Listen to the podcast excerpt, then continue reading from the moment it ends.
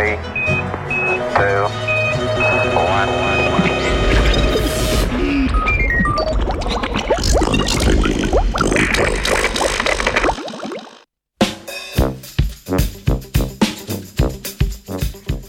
Dobro jutro.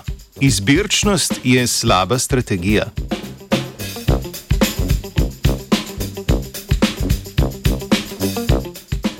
Raziskovalca z Univerze Yale sta v reviji Science objavila izsledke raziskave, v kateri sta proučevala prehranske strategije rastlinojede megafaune afriških savan. S pomočjo računalniških simulacij sta odkrila ključni pomen menjave prehrane med sezonami.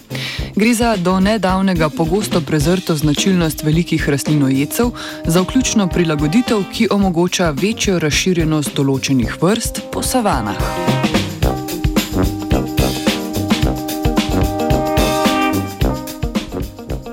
Zaradi postopnega krčenja razpoložljivega teritorija velikost populacij afriške megafaune v zadnjih desetletjih vedno bolj pada.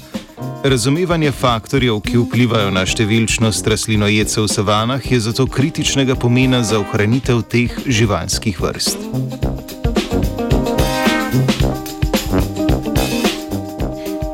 Raziskave savanskih rastlinojedcev so se še do nedavnega večinoma osredotočale na vpliv telesne mase živali, migracij ter plenjenja na velikost populacij. Avtorja raziskave pa sta podrobno gled vzela prehransko strategijo posameznih vrst rastlinojedcev.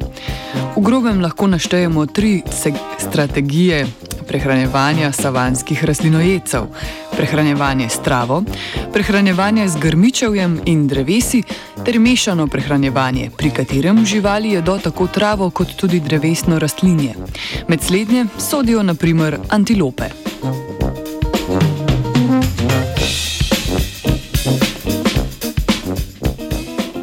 Raziskovalca sta pomembnost posameznih faktorjev preverjala z računalniškimi modeli, s katerimi sta simulirala širjenje populacij po afriških savanah ob spreminjanju posameznega faktorja.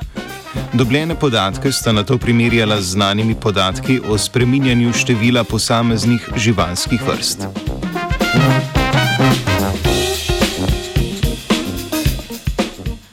Rezultati simulacij so pokazali, da lahko prehranska strategija obrazloži kar 65 odstotkov variabilnosti med velikostjo populacij različnih rastlinojedih vrst v savanah. Za najbolj učinkovito se je izkazala strategija mešanega prehranjevanja, saj se sklada z znanimi podatki o številčnosti posameznih vrst. Presenetljivo je veliko manjši vpliv na število osebkov imela masa živali.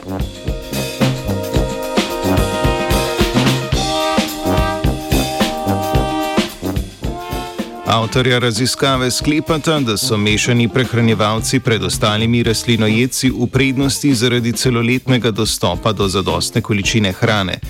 V bolj suhem obdobju, ko ni na razpolago dovolj trave, se lahko tako še naprej prehranjujejo z grmičevjem in drevesnim rastlinjem, ki sta v tem obdobju še prisotna.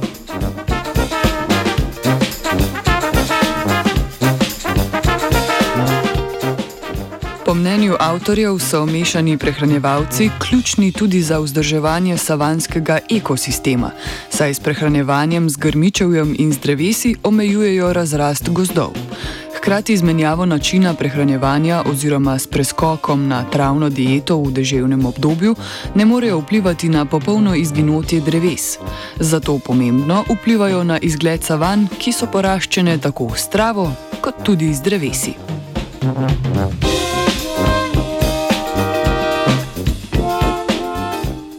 Med gazelami se je pasel Arne.